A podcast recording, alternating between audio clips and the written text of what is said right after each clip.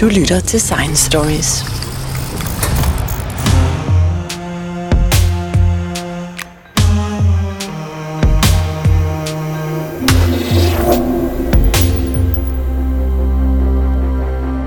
Alle celler i kroppen er elektriske, og nervesystemet binder det hele sammen og sørger for, at vi kan sanse og føle, bevæge vores muskler og tænke. Mange af kroppens funktioner foregår helt uden for vores kontrol og bevidsthed, og nogle, for eksempel hjerteslagene, kan vi godt nok mærke, men vi kan ikke direkte kontrollere dem med vores vilje. Som om det ikke var kompliceret nok i forvejen, så har vi også at gøre med nerver, som arbejder sammen og gør os i stand til at lave koordinerede bevægelser. Blandt dem, som har studeret det, det er Rune Berg og Henrik Linden fra Institut for Neurovidenskab på Københavns Universitet. Og hvis vi starter med dig, Rune Berg, nervesystemet, det lyder umiddelbart ret kompliceret. Kan du lige forklare, hvordan det er, at vores nervesystem ser ud med ganske få ord? Uh, ja, altså det, det, det er ret kompliceret, vil jeg lige sige. Men altså, uh, sådan rent fysisk, så har vi øh, centralnervesystemet, som består af storhjernen, lillehjernen og rygmarven. Og øh, formålet med centralnervesystemet er sådan i store træk at kunne styre kroppen og forstå den øh, verden, der er omkring os, altså at kunne forudse, hvad der vil ske. Men det vil sige, at, den får, øh, at nervesystemet og hjernen kan kan forudse de her ting, så skal den have en øh, idé om, hvad der foregår ude omkring. Så det vil, det vil sige, at vi har forskellige sensorer, Synet, hørelsen, følelsessansen. Og så øh, skal den kunne reagere på det, og det er så derfor, vi har muskler. Og det er blandt andet for, at øh, vi kan øh, overleve i det miljø, som vi lever i. Øh, og det består af, at, at man kan flytte sig rundt og finde øh, mad, og så undgå at blive slået ihjel af, af dyr og andre levende væsener, der gerne vil slå en ihjel. Det har i hvert fald sin fordel. Og Henrik Lundén, så har vi så også nogle muligheder for at kontrollere de her muskler. Ja, vi har ju nervceller i, eh, inne i ryggmärgen som direkt kontrollerar våra muskler. Men vi har också områden i storhjärnan, som i, i cortex, som eh, är med till att styra bevegelser. Och um, en del av de bevegelser vi är igång med, det är som rytmiska bevegelser som att som att gå eller eh, löpa, svømme och så vidare. De styr sig måske lite mer av sig själv. Och sen har vi andra typer av bevegelser som är mer som frivilliga, hvor man ska slå en tennisracket eller øh, lyfta en kop kaffe eller den slags. Men det her med bevægelserne kommer vi tilbage til, fordi vi har også noget, som faktisk slet ikke er under vores kontrol. Ja, så det øh, samlet set det autonome nervesystem, øh, det er fuldstændig rigtigt. Og det tager sig hovedsageligt af alle de her ting, som vi altså i vores bevidsthed, det vi, det vi føler er os. Altså hele kroppen er jo os. Så det, det er lidt sjovt, den der semantik omkring, at vi ikke tager os af det. Vi er jo hele vores krop og vores organisme, men vi har stadigvæk den her følelse af, at vi ligesom styrer bestemte ting. Øh, og det handler om, hvad vi er bevidst omkring.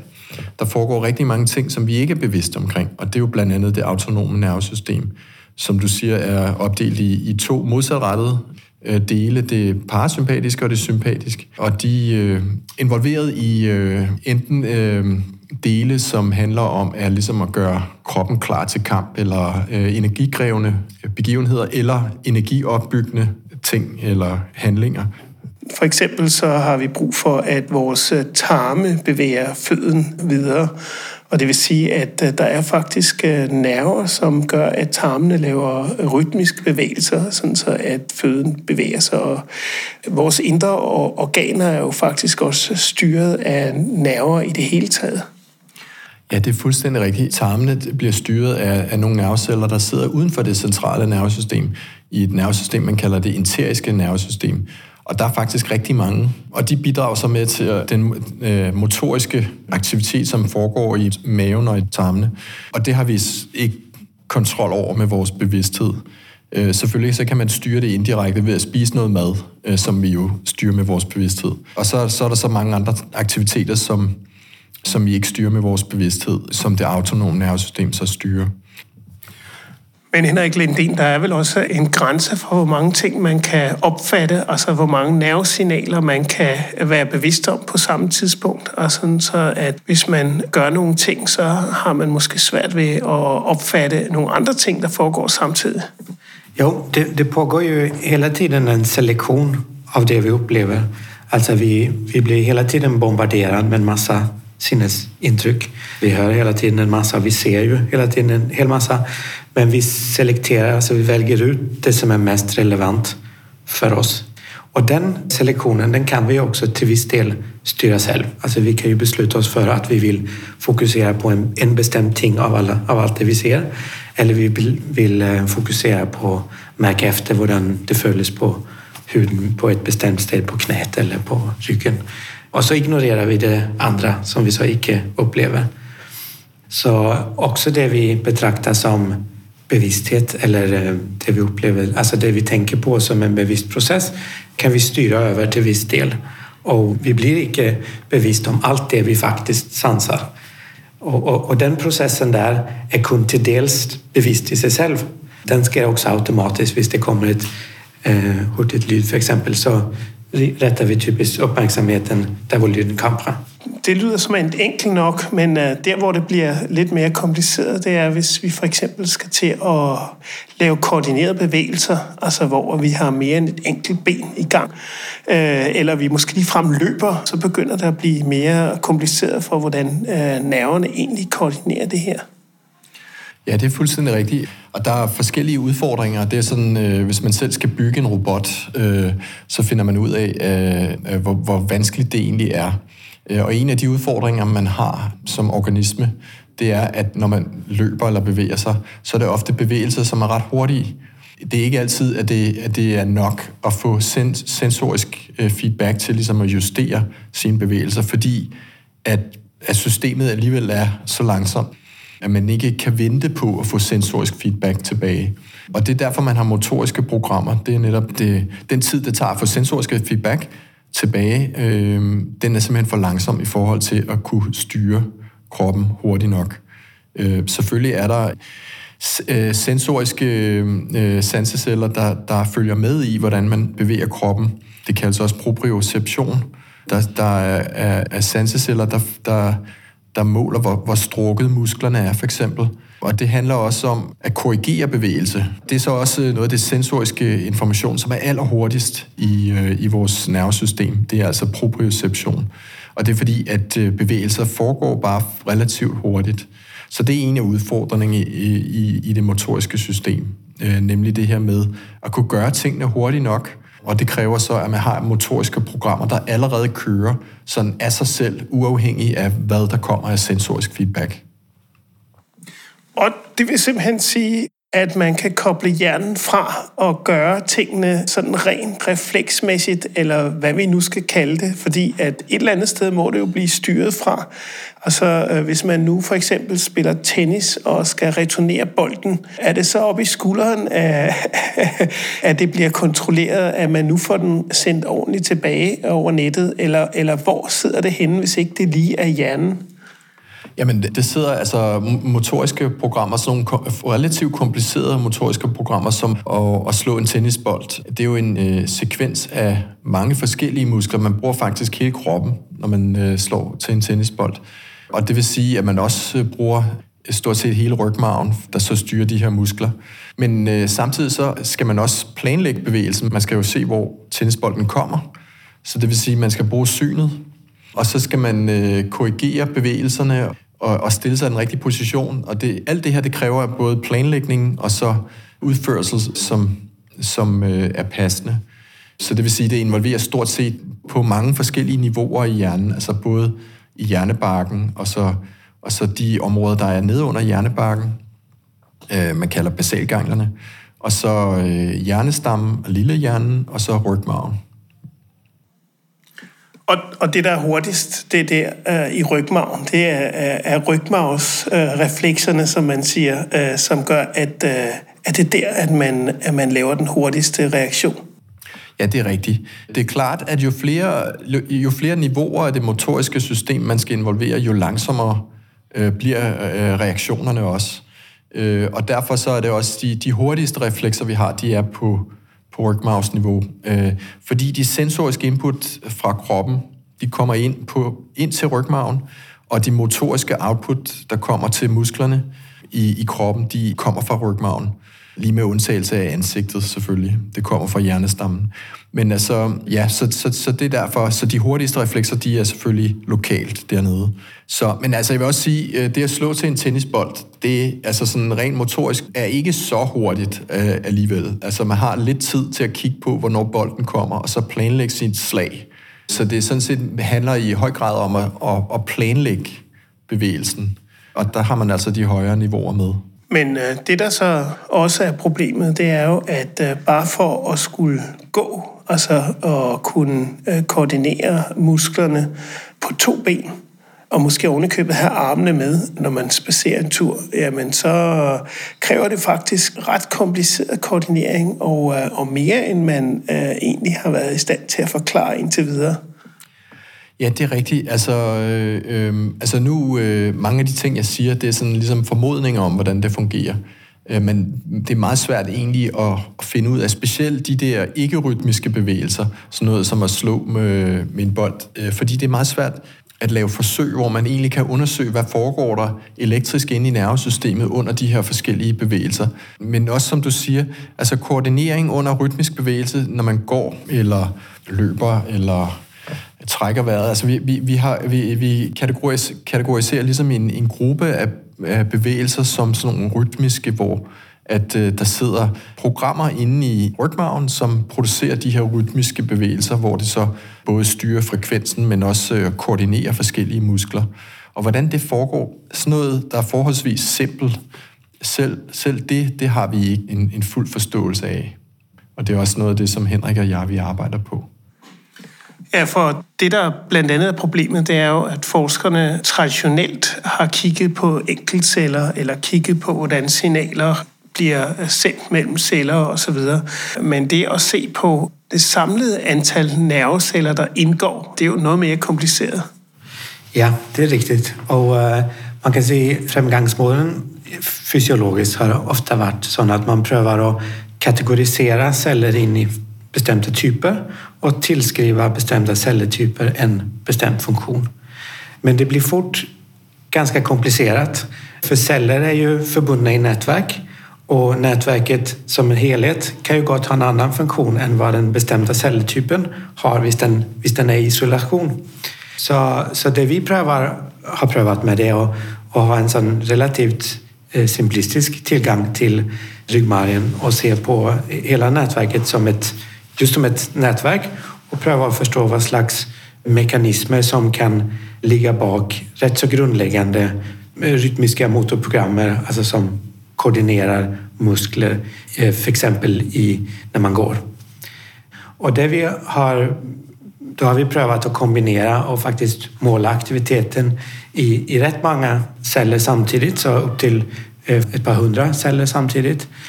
Och så har vi prövat att kombinera det med computersimuleringar hvor vi simulerar nätverk av nervceller för att se på i vilka situationer som rytmisk aktivitet kan, kan uppstå.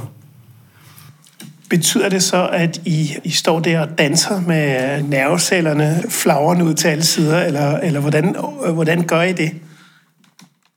Jamen altså, ligesom øh, August Krog har sagt en gang, at man skal prøve at finde den eksperimentelle model, der bedst kan besvare det spørgsmål, man har. Øh, altså, vi, vi, vi er interesserede i at forstå, hvordan rygmarven producerer bevægelser, så vertebrater er i hvert fald der, hvor, hvor vi skal starte, selvom insekter også, øh, det er også en udfordring at forstå, hvordan insekter virker. Men, men, øh, men jo, altså, så vi har lavet forsøg med, at øh, vi øh, på forsøgsdyr, vi implanterer elektroder i, i rygmarven, i de områder, som vi ved er involveret i, i for eksempel gang, altså styring af benene.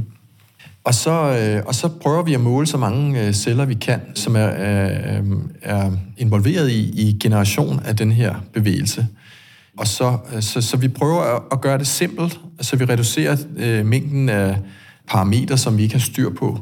Og så ud fra det, så prøver vi at forstå, hvordan netværket af celler, det, det kan generere den her aktivitet. Så fuldstændig som Henrik siger, så har, har folk tidligere kigget på enkelte celler og ligesom prøver at deducere en, en forståelse ud fra, hvordan enkelte cellers øh, aktivitet kan beskrives.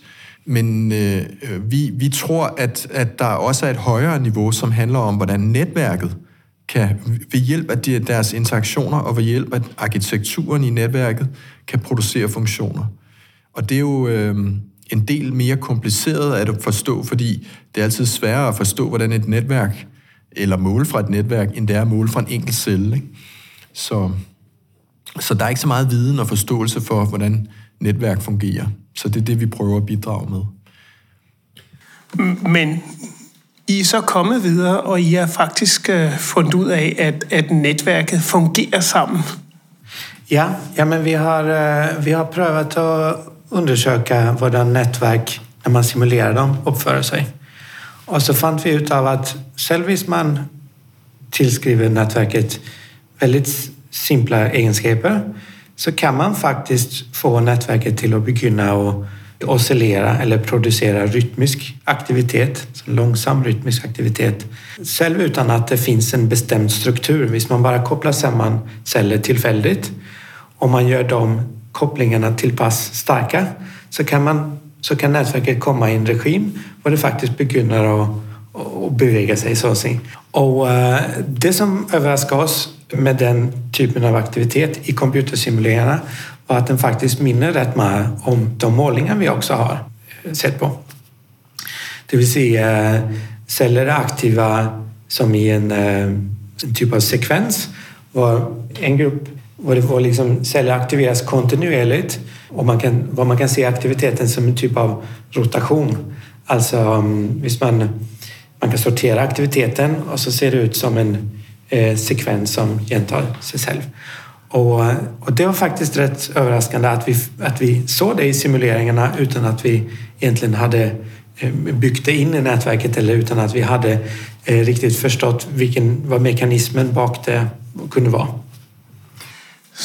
Så I kan nu vise, at øh, det ikke bare er rytmiske bevægelser, men det er faktisk øh, nærmest en rotation i nervecellernes reaktion, som gør, at man er i stand til at koordinere en bevægelse, som for eksempel, at man går.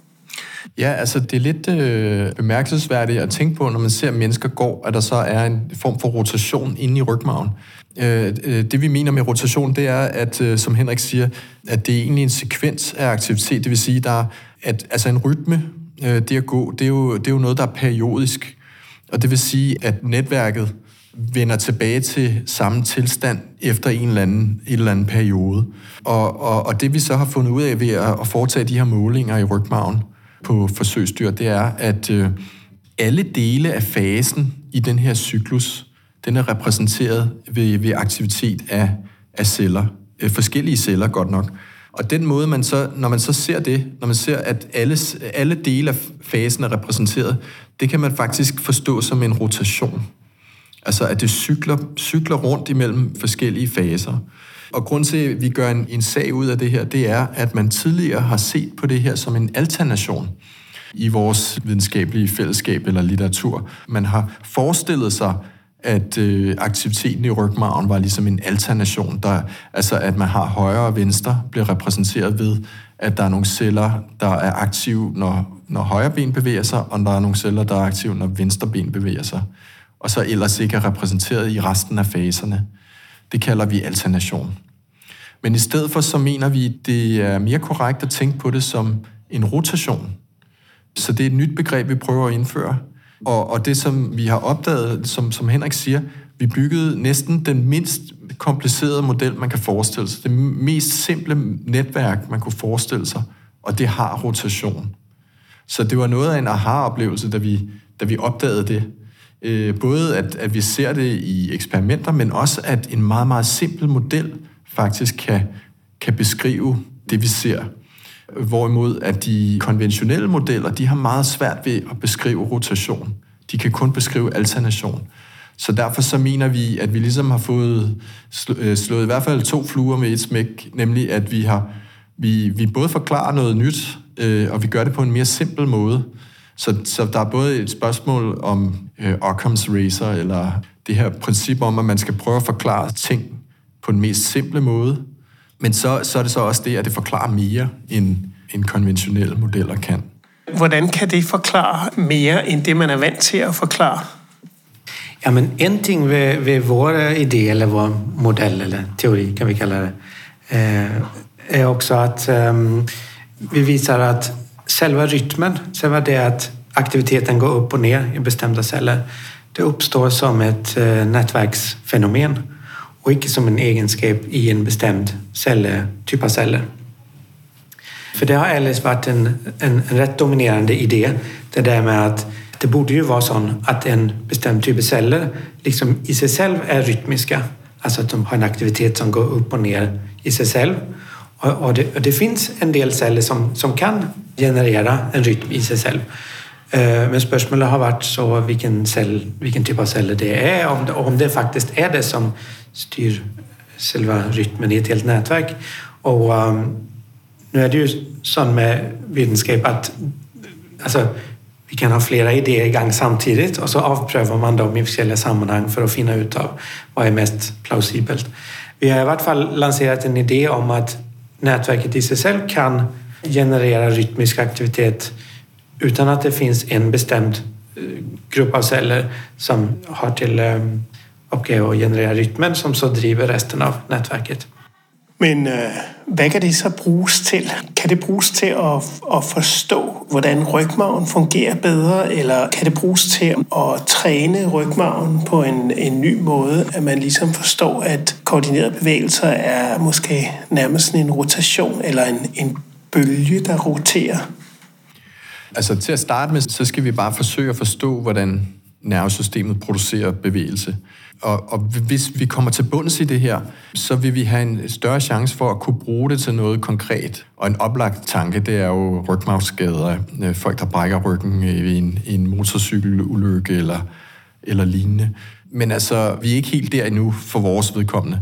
Der er selvfølgelig mange mennesker, der arbejder på, hvordan man kan hjælpe og udbedre skader på rygmagen. Men, men vores, vores tilgang til det her, det er at prøve at forstå, hvad det er i, i netværket af nerveceller, der genererer, og hvordan, hvordan generationen af motorprogrammer bliver foretaget.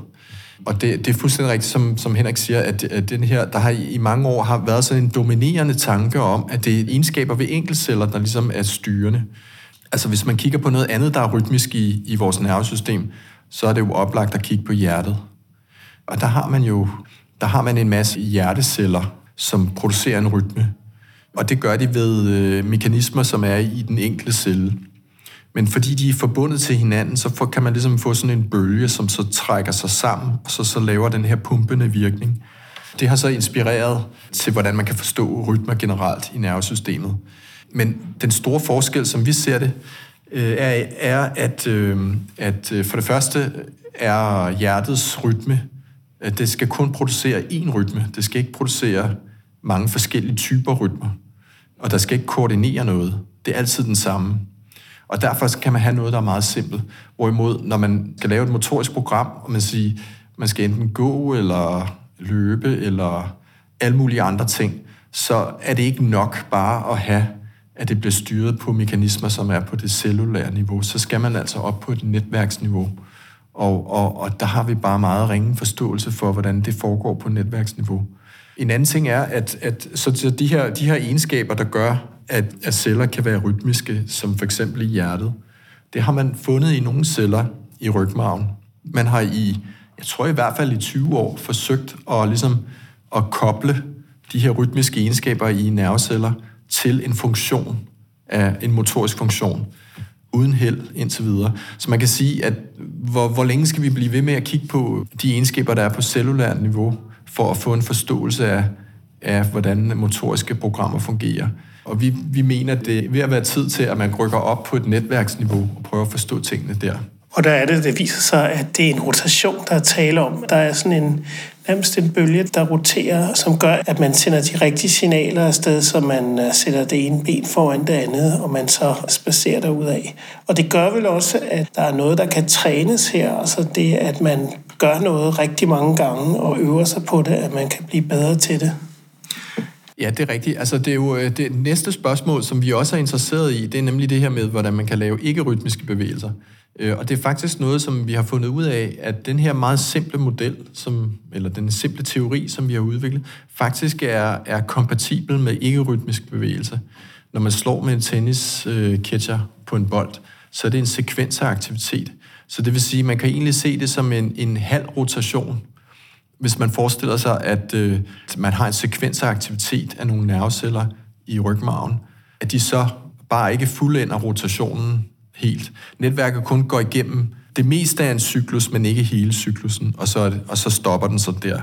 Og det er kompatibel med, med den teori, som vi har, nemlig at, at rotationen bliver igangsat af nogle, nogle fiber, som kommer op fra hjernen. Altså det, det vi ofte tænker på, når man skal forstå, hvordan gang, gangbevægelse bliver genereret, det er, at man har nogle, nogle signaler, der kommer fra hjernen. Altså vi, vi er jo selv bevidste om, at nu vil vi gerne gå, eller nu vil vi gerne stoppe. Det er jo nogle signaler, som kommer fra storhjernen øh, og vores vilje. Ikke? Øh, og de signaler er forholdsvis simple. Det er sådan, hvad skal man sige, on-off, eller sådan tænd-sluk-agtige øh, typer af signaler. Hvordan kan man, hvordan kan man øh, øh, få ikke-rytmisk bevægelse ud af, et, øh, af den her form for øh, øh interaktion mellem hjernen og så de kredsløb, motoriske kredsløb, der er i, i rygmagen? Der har Henrik været i stand til på forholdsvis simpel måde at kunne generere en sekvens af aktivitet, som passer til den bevægelse, som man ønsker at lave. Men der er vel også meget koordinering, der skal til. Jeg kan huske nogle af de første robotter, man lavede. Så de havde ret svært ved det der med balancen. Altså, de tumlede lidt rundt og tog nogle meget øh, spæde, forsigtige skridt. Og nu var jeg i Berlin for ikke så forfærdeligt lang tid siden, hvor jeg så en, en robotgruppe præsentere deres seneste robot.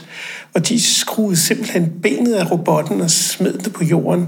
Og så var benet i stand til at rejse sig af sig selv, simpelthen ved øh, at have meget fine motoriske bevægelser i balancen og i foden. Så kunne det der ben øh, simpelthen helt af sig selv finde balancen og rejse sig op, hvilket jeg synes var ret imponerende. Altså, det er de færreste mennesker, der kan det.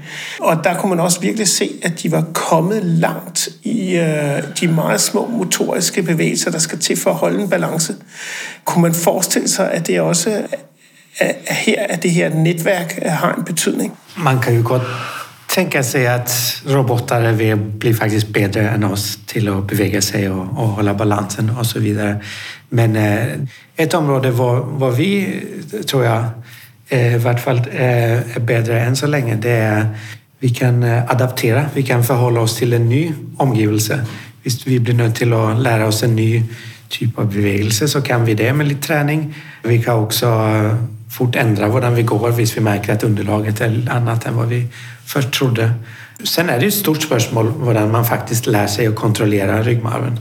Eh, hvordan man faktiskt kan, kan eh, lära och förstå hur man ska instruera cellerna i ryggmargen till att utföra bestämda bevegelser. Och det, det, tar ju faktiskt också lång tid att lära sig det. Alltså det, tar ju, det tar ju typiskt ett år eller mer för små, små barn att lära sig att gå. Och i starten så, är det ju, så går de lite som de gamla robotarna du nämnde, alltså de går lite vingligt. Eh. Och, eh, och det är rätt spännande att fundera över vad det är som sker i den processen där. Vad barnen lär sig, hur de ska bevæge sina armar. För i starten är det ju mer reflexer som så liksom byggs samman till mer komplicerade motorprogrammer. Hvad bliver det næste? Hvor, hvor bevæger vi os henad? Jamen altså, for os, vi skal etablere de her øh, interessante observationer yderligere, fordi at det er sådan et nybrud, at det handler om ligesom at, at være sikker på, at det vi tror, vi ser, faktisk øh, også kan bekræftes i, i andre dyr. Ikke? Vi, har, vi har mål for skildpadder og rotter, og, øh, og det vil vi gerne konsolidere yderligere, altså bekræfte yderligere ved flere forsøg. Men altså, øh, det som vi ved, det, det, det, som, det som vi har har, har, har kunne øh, levere indtil videre, det er en konsistent teori, der kan forklare mange observationer, som ingen teori tidligere har kunne forklare. Og det i sig selv, synes jeg, er bemærkelsesværdigt. Men det betyder jo ikke, at det er rigtigt. Det er bare vanskeligt at måle fra, fra celler i rygmagen, fordi netop øh, altså man har virvlerne, som kan bevæge sig i forhold til hinanden. Det er jo noget af det, der gør os fleksible. Ikke? At, at vi kan bevæge vores krop i alle mulige stillinger, men det gør det altså også bare svært at måle øh, fra mange celler i det her område. Det er lidt nemmere at måle fra hjernen, fordi der har man kranikassen, som ligesom virker som sådan en stabiliserende øh, enhed, og det er også derfor, at det, fl- det meste øh, viden, vi har omkring, hvordan nervenetværk øh, fungerer, kommer faktisk fra hjernen. Men altså, det betyder jo ikke, at der ikke også er nervenetværk i øh, lillehjernen og i, i hjernestammen og i rygmagen, men det er bare mere vanskeligt at måle på dem. Det her, det tager lang tid, øh, sådan er det bare. Men altså, vi håber selvfølgelig at, at kunne få øh, også en mere sådan bred forståelse af for eksempel, hvordan man sparker til en fodbold, eller hvordan man slår øh, til en tennisbold øh, med en catcher. Det, det vi kalder ikke-rytmiske bevægelser. Men det er jo også endnu mere vanskeligt at slå, øh, fordi at, øh, hvis man laver en, en ikke-rytmisk bevægelse, som at sparke til en fodbold, så er det jo noget meget kraftfuldt, man gør en enkelt gang. Og, øh, og det, er ikke, det er ikke så nemt at måle på nerveceller, som jo er en størrelse af måske 10 mikrometer eller 10-100 mikrometer, kunne måle pålideligt fra dem, når man samtidig har en, øh, en bevægelse, som er meget kraftig. Så det er jo også nogle af de ting, der gør, at det er svært ligesom at, at få en fuld forståelse af, hvordan nervesystemet laver de her ikke-rytmiske bevægelser. Det lyder i hvert fald rigtig, rigtig spændende. Tak skal I have begge to.